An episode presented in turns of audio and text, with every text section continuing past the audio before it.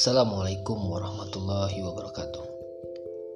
Setiap orang punya kisah, setiap orang punya cerita, tapi tidak setiap orang bisa mencurahkan hatinya. Podcast ngomong, ngobrol bareng Mr. Wong. Semoga bisa menjadi sebuah wadah buat kamu yang ingin mencurahkan hatimu, menceritakan kisahmu, apakah itu sedih, gembira, ataupun menakutkan. Yang kamu rasa itu dapat mengganggu aktivitasmu, membuat hatimu tidak tenang.